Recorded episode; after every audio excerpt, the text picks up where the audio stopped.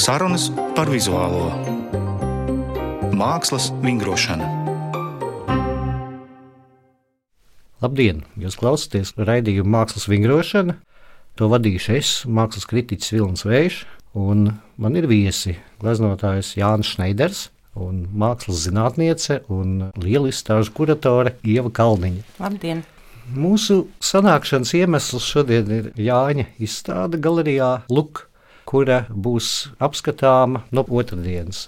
Kā mēs zinām, ir bijis klusums veselu mēnesi, izstādes nav bijušas pieejamas, es ceru, ka būs liela interese un ka jūs, cienījamie klausītāji, teciņus skriesiet apskatīt jaunākos mākslas notikumus. Un tieši tādēļ es gribu pievērst uzmanību šai galerijai, kas ir mazliet no tā centra, kas ir ap mākslas muzeju. Jo šī ir otrā Jāņa Šneidera izstāde šajā galerijā, Nosaukums ir Ibidem, tātad turpat viņš ir atgriezies. Un jāsaka, ka Jānis ir ļoti jauns gleznotājs.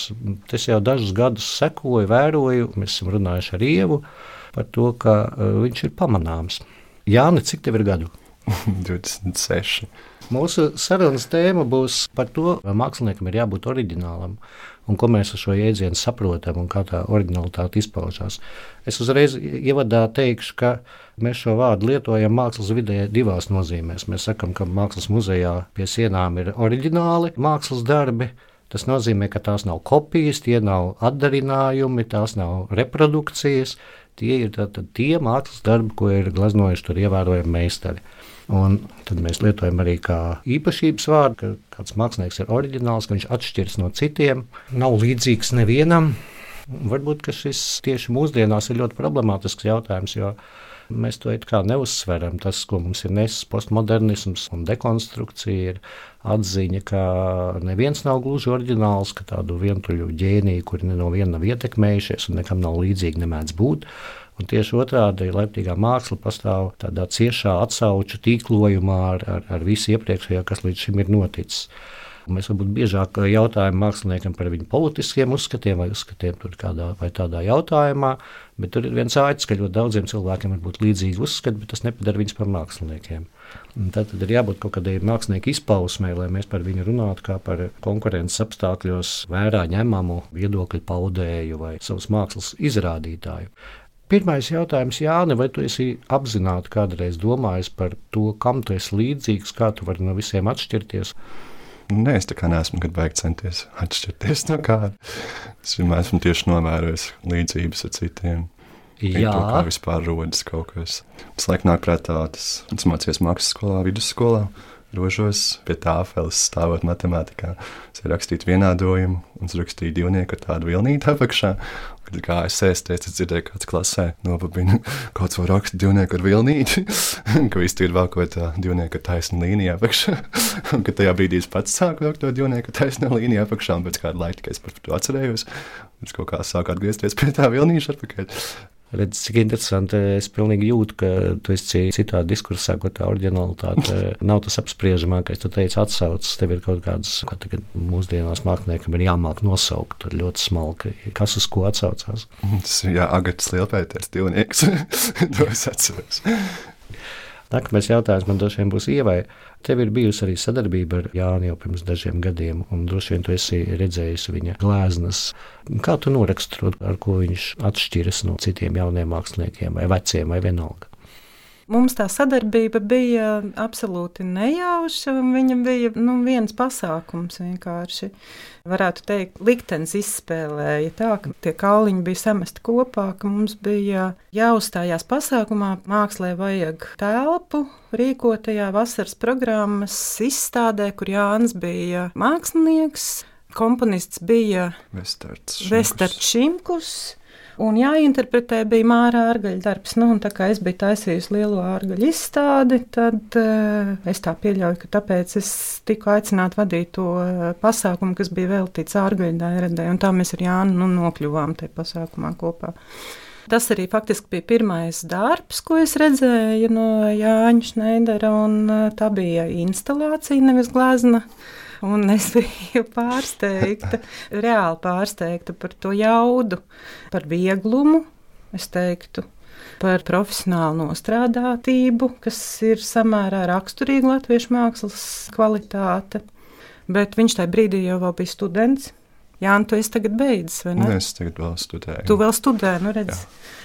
Bet tad tu biji vispār, man liekas, kaut kādā otrā kursā. Nu, nē, nē, nē, tad man liekas, biju tieši beidzis bakalaura bakalaura. Nu, redz, bet vienalga, nu, tā kā palika man prātā tas, ka ir vēl students un ka tik ļoti spēcīgi var uh, identificēt talantu, es teiktu.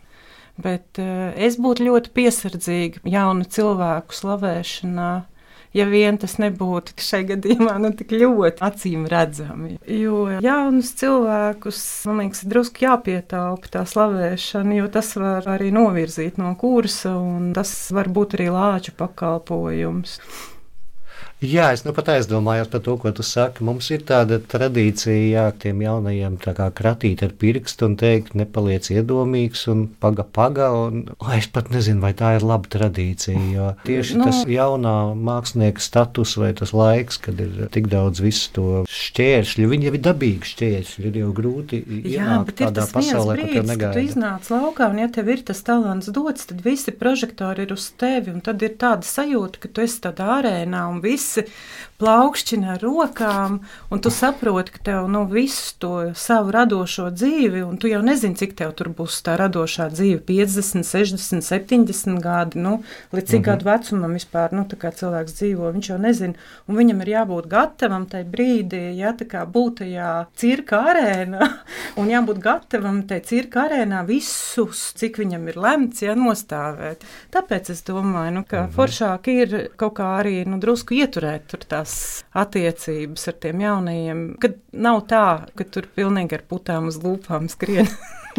nu, ģēnijs ir dzīves, ģēnijs ir dzīves. Iela, uh, tas ir tik interesanti kontekstā to, ka man stāstīja, ka tu esi bijusi pirmā eksperta, kas ir jāatdarbs iepriekšējo izstādu galerijā Luka izvirzījusi purvīšu balvas. Jā, pārkāpjot savus noteikumus iekšējos. Jā, jā, jā, jā, tā bija.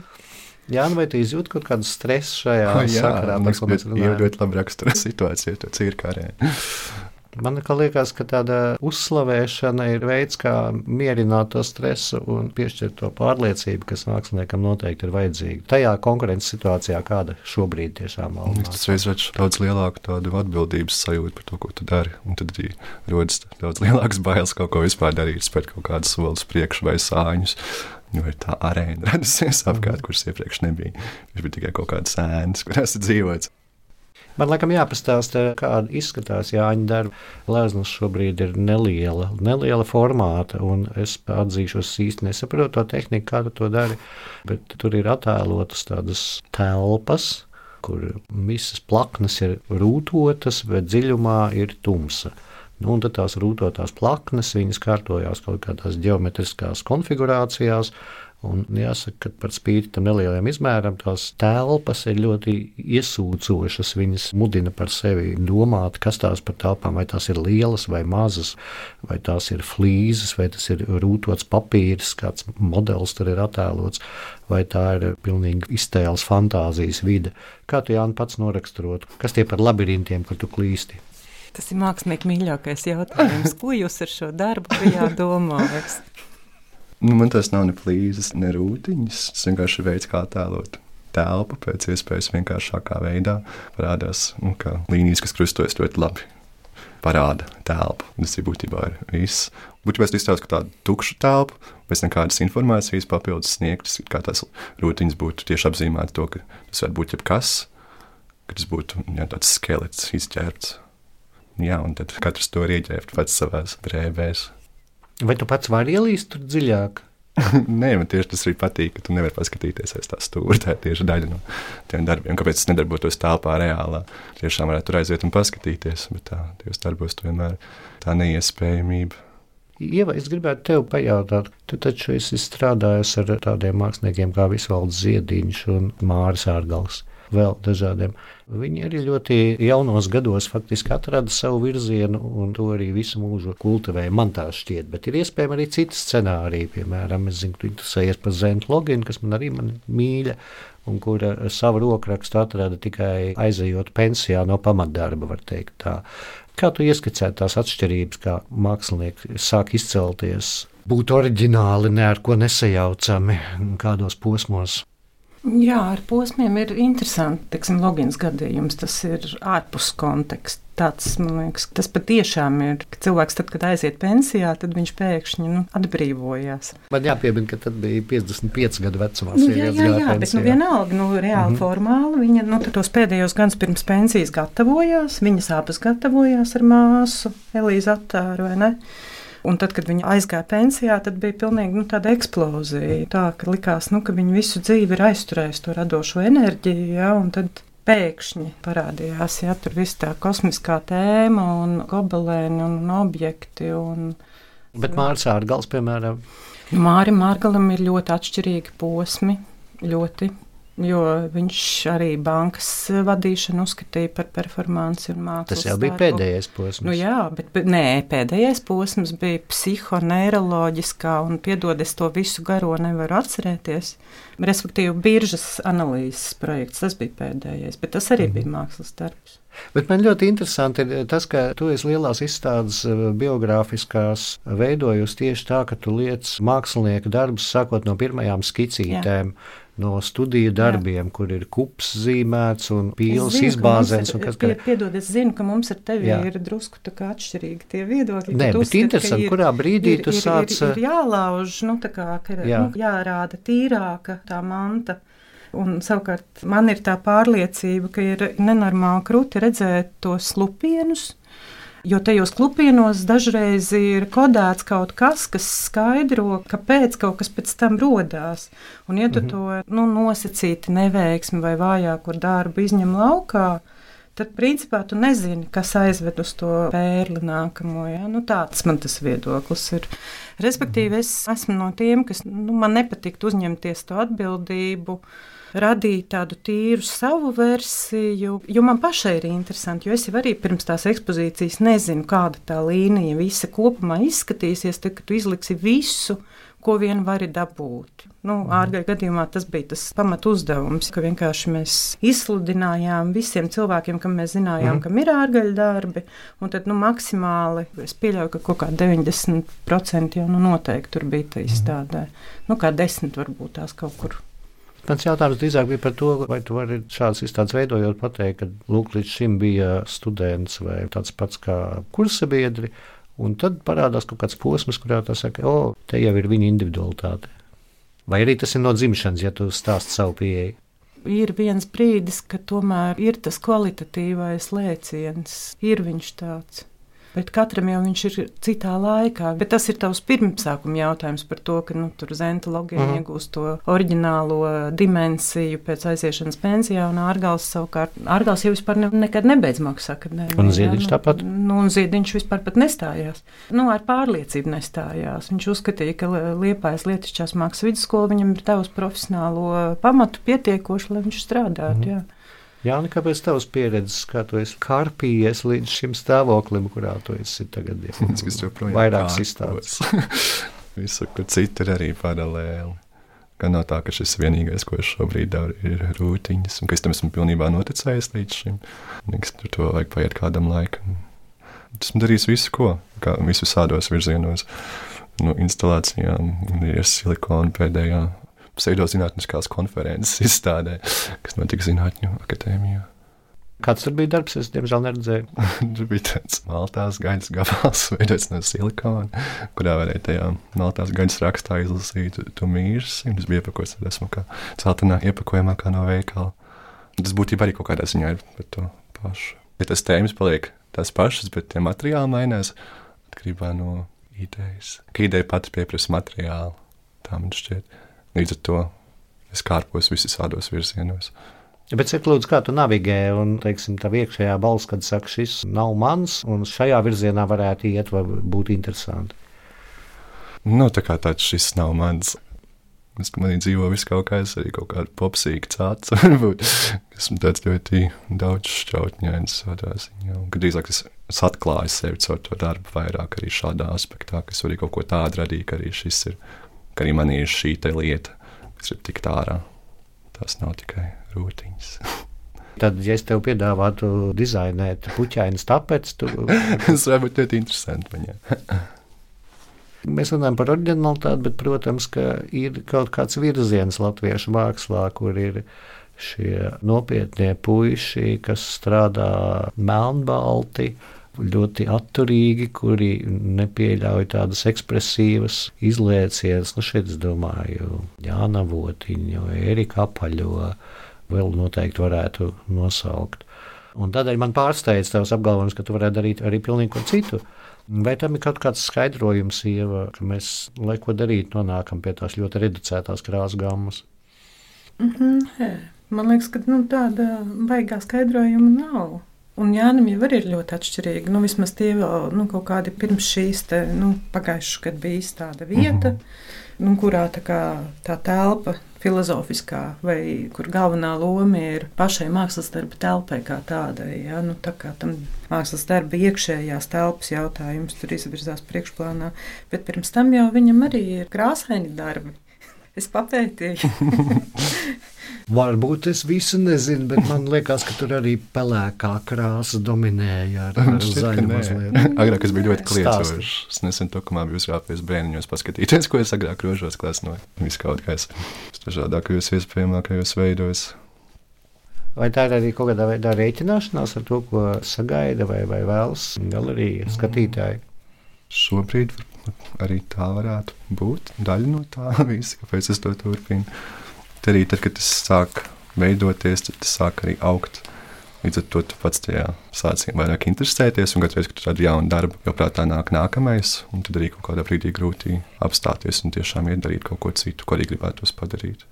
Ka tas ir būtībā ritenis, kas ir iegriezies, un ka tas arī ir. Un izskatās, ka viss ir mūžīgi pētāms. Es arī mūžīgi pavadīju tajās rūtiņās, bet dažkārt es ļoti negribu to darīt. Diezgan apnicīgi mēdz būt. Lai gan arī forši sēdēt. Man ir liela intriga, kas sekos nākamajā stāstā mm -hmm. pēc rūtiņām. Bet es nezinu, es atgriezīšos pie kādas figurālās glezniecības. es par to es stipri šaubos.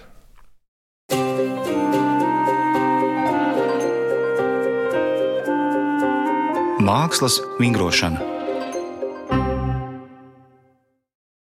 Es atgādināšu, ka mums studijā ir glaznotājs Jānis Šneiders un mākslas zinātniece Ieva Kalniņa. Varbūt runājot par šo tēmu, mēs varam paskatīties arī no mākslinieka karjeras viedokļa. Nav noslēpums, ka mākslinieki, kuriem izdodas labas karjeras, viņi, viņi mēdz strādāt dažādos posmos, ārkārtīgi atšķirīgi. Tur mēs zinām, cik Picasso bija perioda un tam līdzīgi. No otras puses, man liekas, tā mūsdienu izstāžu rutīna ir tāda, ka, ja kāds mākslinieks tiek kaut kur uzaicināts, tad no viņa jau sagaida zināmu veidu gala rezultātu. Un varbūt šādi krasi pagriezieni rokrakstā vai izpausmēs nemaz netiks skaitīts kā pluss šobrīd, ieva tavs viedoklis. Vispār man liekas, ka šobrīd vairāk dominē tāds, ka, ja tu esi piesaistījis uzmanību, tad ir jautājums, ah, kas viņam būs tālāk, kas būs nākamais. Nu, ka tu nezini, nu, arī Jāņa gadījumā tagad, ja, nu, viņš ir paņēmis teksim, manu interesi uz āķa, mm -hmm. ja, un es ar, ar nepacietību gaidu, kas būs tās nākamās radošās izpētes tēmas. Savukārt, ja viņš tagad visu mūžu taisīs rūtiņas, tad iespējams, ka tikai pie maniem, pieņemsim, 90 gadiem es spēšu atkal viņus novērtēt. Vienkārši man viņas arī apniks. nu, es tagad pulgarizēju, jā. Jā, bet nu, tā ideja ir tāda, ka tas laiks mums tagad ir arī tāds, ka viņš pieprasa visu laiku kaut ko jaunu, kaut ko pārsteidzošu tāda pamatīga izpēte un tur nodoties tur mūža garumā. Nu, to var ļoti stipri iekšēji mākslinieki, kuri turklāt ekonomiski ir neatkarīgi nu, no tā, ko viņi rāda. Nu, tā.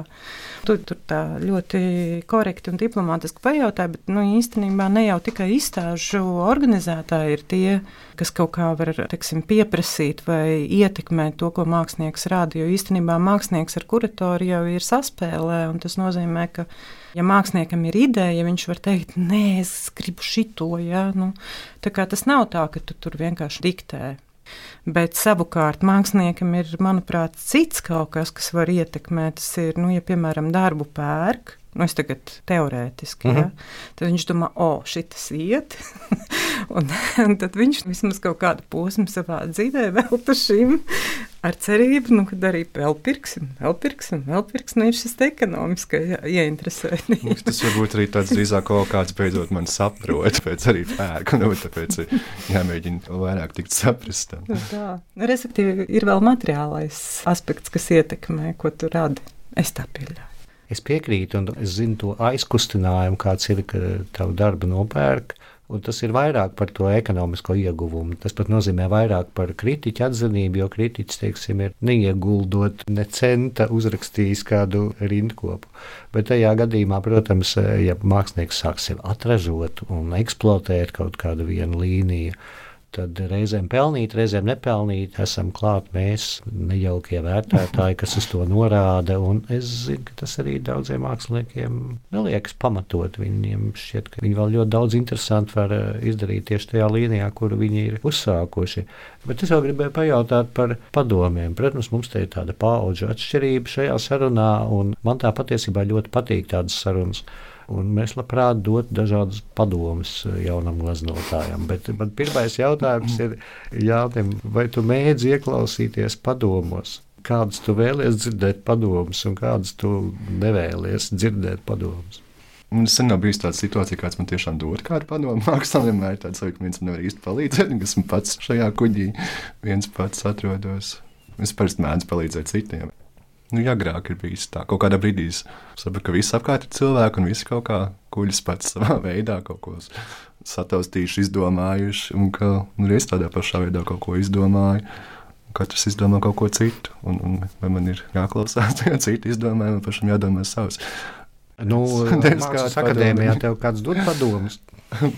Šobrīd īsti nē, esmu citā nodaļā. Tagad vispār viss ir tīri. Tādā ziņā, jā, tieši dot padomus, tīri tehniski, kā kaut ko izpildīt, izdarīt. Bet ir daudz vairāk jautājumu nekā iepriekš glezniecībā. Kurš tā kā zināja, kā ko darīt. Šobrīd vairs nē, tagad man tiešām vajag padomu. Ieva, kādas padomas tu dotu jaunam māksliniekam? Es atturētos no padomiem. Katram savs kļūdas jādara, katram savs liktenis. Nu, ja man jautātu, tad es dotu, bet tā, nu, es neskrietu virsū. Tev nepārņem sajūta, ka tu redzēji kaut ko, kur tu varētu iejaukties un teikt, bet mīļo cilvēku, mēs to esam sen jau sapratuši, ka vajag Nē. tā, nevis tā. Nē. Man ir ļoti interesanti tieši tāpēc, ka es tagad dzīvojot ārpus Rīgas, es arī mazāk personiski iepazīstos ar, ar jaunajiem autoriem, un es ārprātīgi novērtēju to, ka es viņus nezinu. Tas izklausīsies jocīgi droši vien, nu, priekš Rīgas šaurajām ielām, kur visi viens otru pazīst, bet man tas atbrīvo, jo es redzu pašu darbu, un nu, man uztver ir tīrāka. Ja? Citreiz vispār man liekas, ka tā ir li liela laime, nu, ka tu to pašu autoru nemaz nezini. Ja, jo tas darbs ir tīrs, viņš ir tāds, kādu tu viņu uztver. Ja, un ir pilnīgi vienalga, kāds raksturs ir autoram, kā viņš uzvedās, kā viņš tur reaģē. Vai... Tas ir dažkārt, nu nevienmēr, bet dažkārt tomēr tā ir lieka informācija. Jā, man jāatzīst, tas arī reizēm nonāk autora varā. Un tad tu ej pavadā vienkārši. Jo varbūt personība ir tik suģistējoša, ka tu vienkārši neredzi vairs to darbu pašu par sevi. Tieši tā mēdz gadīties. Nu, lai kā mēs ar Jānu Šneideru esam iepazinies šodien, man nekas netraucē pagaidām uztvert viņa darbus brīvi un nepiespiesti. Un mēs noteikti gaidām jaunas Jāņa izpausmes un paliek intriga ar ko tu nodarbosies tālāk. Varbūt tu jau nodarbojies ar kaut ko pavisam citu. es visu laiku kaut ko citu mēģinu. Šobrīd es sēžu 3D programmā, skatos daudz pamācību video, esmu izveidojis virtuāli, trīsdimensionāli. Tas ir kaut kāds sākums um, kam citam. Pie kā tu taisies nonākt? es vēl nezinu, vienkārši interesē tas kā materiāls, ko ar to var izdarīt. Man liekas, tas kaut kur manā aizvest pēc tam. Un Viņa nav jāsmērē rokas. Saka, vai tam ir kaut kāds sakars ar to, ko tu darīji? Nē, tam nav nekāda tāda sakara. Nu, man vismaz, citiem noteikti ir. Kāds Berlīnē teica, ka man darbi izskatoties pēc video spēlēm, kāds teica, ka pēc tehno. Un es pats pirms tam nebiju saskatījis tādas. Nē, nu, es biju saskatījis tādas līdzības arī. Es zinu, no kurienes tas nāk, bet tas nav tieši atsauce. Un no kurienes tas nāk? Tas vienotreiz nāk no kaut kādām video spēlēm, tā mazā izgaismotā gaismiņa un lielā tumsa apkārt. Kaut kāds survival horror. Tur skrien tāda maza lukturīte, pilnīgā tumsā, un nezinu, kas tur būs tev priekšā. Nī, tur tāda mazliet tā dzeltenā gaisma. Tad noteikti arī sapņi. Un sapņos bieži vien ir problēmas ar apgaismojumu, kādos tādos murgainos, ka visas sēpjas krāsā un katra spuldzīte ir tāda vismaz vai rēļi nosmērēta un izdod ļoti maz, maz gaismas. Es arī nonācu tajā pašā, tajos darbos, savā sapnī. Tas bija ļoti interesanti tieši tajā pašā vietā. Un, tā kā es neredzēju tajā malu, bet es zināju, ka tā ir tāda bezgalīga vieta. Un tas, ko es te turpinu lasīt, sāc kaut ko darīt, par to vairāk es sācu interesēties, kaut kas piesaista uzmanības reizes, tāpēc, kas atgādina kaut ko pašam savos darbos. Ir kaut kādas arī mangas, kuras nesen esmu atradzis. Tas ir kaut kas arī pilnīgi cits. Mašīnām, kas ir sajukušas prātā un būvē bezgalīgi garas, milzīgas pilsētas, bet izmantojot cilvēkiem zināmas struktūras, tur kāpnes un tādas lietas, tilts, bet pavisam neliederīgos veidos tos sakombinējot. Mazliet kā tajā Borgesa nemirstīgo pilsētā bija līdzīgi. Es klausos kā brīnumā. Tas tikai apliecina, ka laikam to oriģinālo rokrakstu nevar izgatavot savādāk, kā vienkārši pašam no sevis viņu dabūt ārā. To droši vien nav iespējams izdarīt mākslīgi.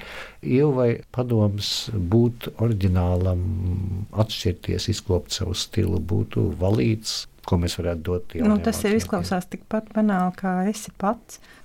Jā, bet ja tas pats ir ļoti tāda banāla persona. Nu, kāda tad tur atšķirība sanāk? Kā tad es varu būt kaut kas cits jāsaka? Nu tā, ka, nu, padomā, nu, esi vilni pats. Es domāju, tur arī ir problēma, ka tas nav tik vienkārši. Es domāju, vispār vēlēt otram būt kaut kam. Tas ir 21. gadsimta kaut kāds fenomens. Ka nav reāls lietas, tātad nu, cilvēkam, ko darīt, ka viņš var analizēt otru, nu, no otras perspektīvas, vēl kaut ko ieteikt. Ļoti, es domāju, vietā. Tāpēc mēs atsakāmies dot padomus. Bet mēs vienkārši... priecājamies par to, Jā, ja kaut kas izdodas. Ļoti. Vai ne? Mēs sekojam jauniem māksliniekiem. Viņi to reizēm nezina. Jā. Mēs viņus novērojam un gaidām katru jaunu pagriezienu. Un, ja sanāk, mēs ļoti apsveicam. Jūs klausījāties raidījumu Mākslas vingrošana, to vadīja es Vilnis Vējš. Man viesis šodien bija Ieva Kalniņa, mākslas zinātniece un Jānis Šneiders, glaznotājs. Raidījuma producents bija Ieva Zeidmane. Uz redzēšanos! Raidījums tapis ar valsts kultūra kapitāla fonda atbalstu.